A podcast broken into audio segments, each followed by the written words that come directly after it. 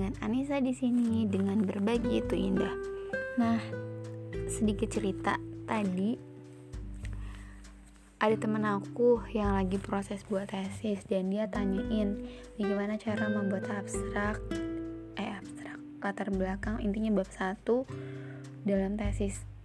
Pertanyaannya adalah apakah ketika uh, kita ngumpulin jurnal-jurnal dulu terus uh, kita baca semuanya baru kita nulis atau sambil kita buka jurnal maksudnya baca jurnal ngumpulin jurnal sambilan juga kita nulis.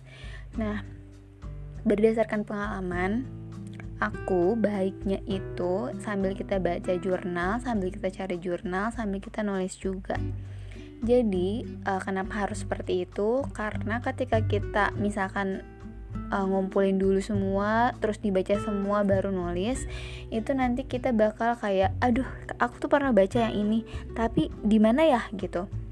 Uh, letaknya aduh ini di jurnal mana ya? Kayak aku tuh pernah baca uh, ini ini ini gitu. Nah nanti bakal kayak gitu jadinya. Jadi kita harus kayak balik lagi balik lagi buka jurnalnya gitu. Itu kayak spend waktu gitu sih menurutku. Karena uh, misalkan kita baca satu jurnal terus ada yang kira-kira ini bagus isinya terus ya udah kita uh, highline gitu atau enggak kita stabilin atau enggak kita note aja di di di apa di buku kita atau enggak kita bikin matrik seperti yang pernah aku aja uh, aku ajarin di IG aku Nur Anissa Fauziah bisa dilihat matriknya. Di headline aku mengenai tesis di situ aku ada sedikit video uh, bagaimana untuk membuat matrik.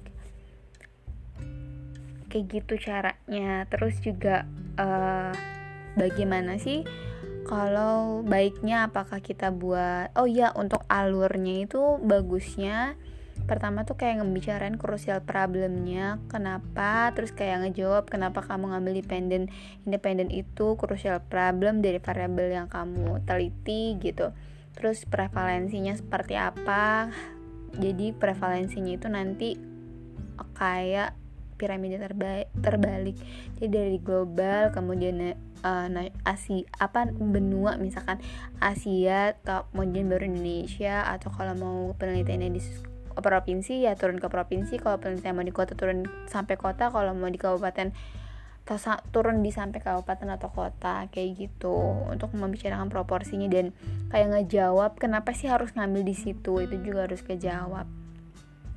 Itu untuk flownya dan uh, perlunya ada kayak bridging bridging sentence dari satu idea ke idea yang lain. Karena uh, jangan sampai kayak patah-patah gitu nggak ada flownya. Itu ketika kita buat pendahuluan. Terus juga uh, kalau aku sih jadi aku tuh kayak buat gambaran besarnya dulu ketika mau nulis. Jadi yang pertama yang tadi aku ceritain aku mau bahas tentang crucial problem kenapa aku ambil ini dan lain sebagainya. Kemudian di paragraf 2 aku mau bicara tentang prevalensinya. Terus paragraf 3 aku mau bicarain apa. Walaupun belum tahu kan isinya gitu. Aku belum tahu misalkan prevalensi nya itu berapa gitu. Aku belum tahu cuma aku tulis aja apa yang mau aku tulis gitu nantinya. Jadi ketika kita baca uh, jurnal atau sambil cari data sambilan ngisi yang kosong-kosong yang udah kita tulis itu itu cara menulisnya.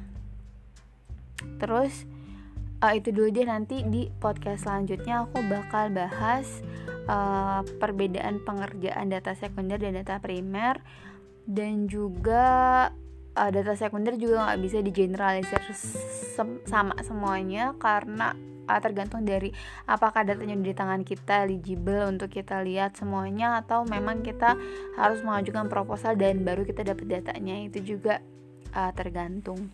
Ya sudah sampai di sini dulu. Terima kasih sudah mendengarkan. Semoga bermanfaat